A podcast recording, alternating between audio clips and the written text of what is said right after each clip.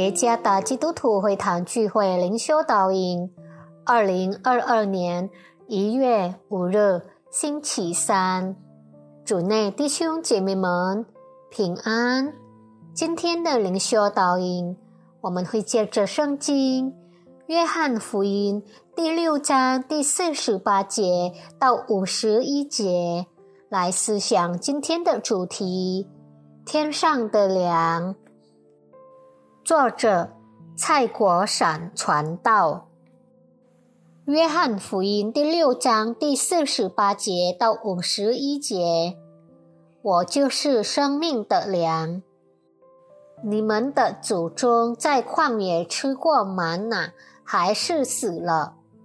这是从天上降下来的粮，叫人吃了就不死。我是从天上降下来生命的粮。”人若吃这粮，就必永远活着。我所要赐的粮，就是我的肉，为世人之生命所赐的。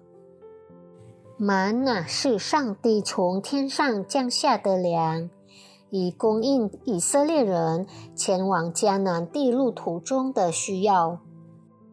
玛瑙是一种难以说明的神奇现象。这食物不是人类制造的，也不是摩西制造的。这食物是上帝赐予的。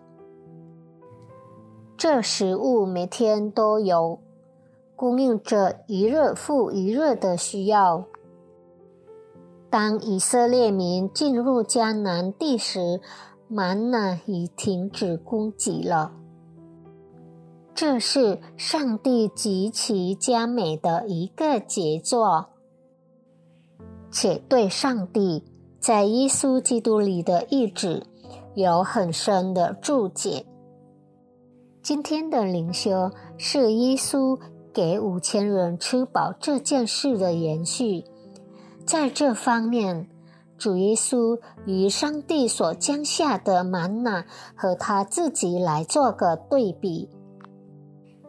耶稣是神道成了肉身，耶稣是圣子位格从天降下，而玛瑙也是从天降下。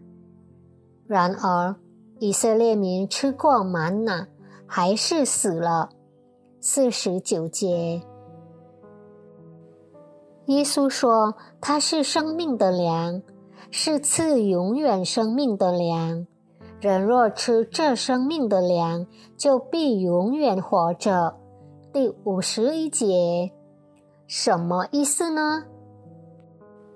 属灵的生命无法单靠满足肉体的吃和喝而活，属灵的生命唯有在基督耶稣里才能得着。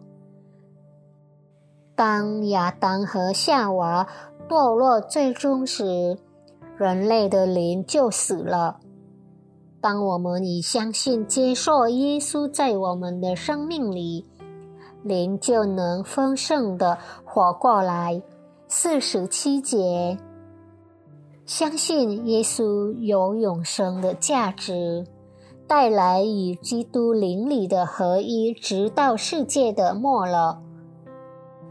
这对没有属天知识的犹太人是难以接受的，因此，所有耶稣说的话，他们多以世俗的眼光来理解。他们认为耶稣的话甚难理解，就离开他去了。第六十节。主耶稣愿他的灵充满他的子民，直到满意。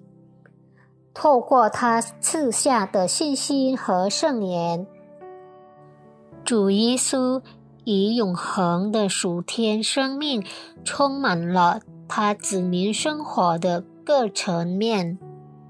基督的同在，在他子民的生命中一直都是真实的。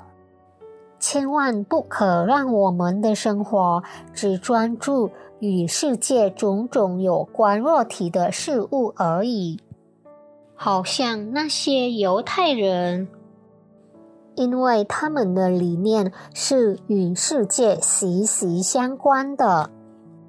我们不可也只忙碌于谋生，追逐财富，在这个世界上尽量的享受奢华和舒适。我们不可忘记，基督是我们灵命需要的源头，唯有他能够填满我们内心的空处。是没有任何东西可以填满的，除了它存在我们的生命中。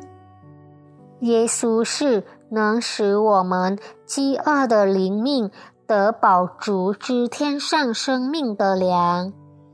愿上帝赐福大家。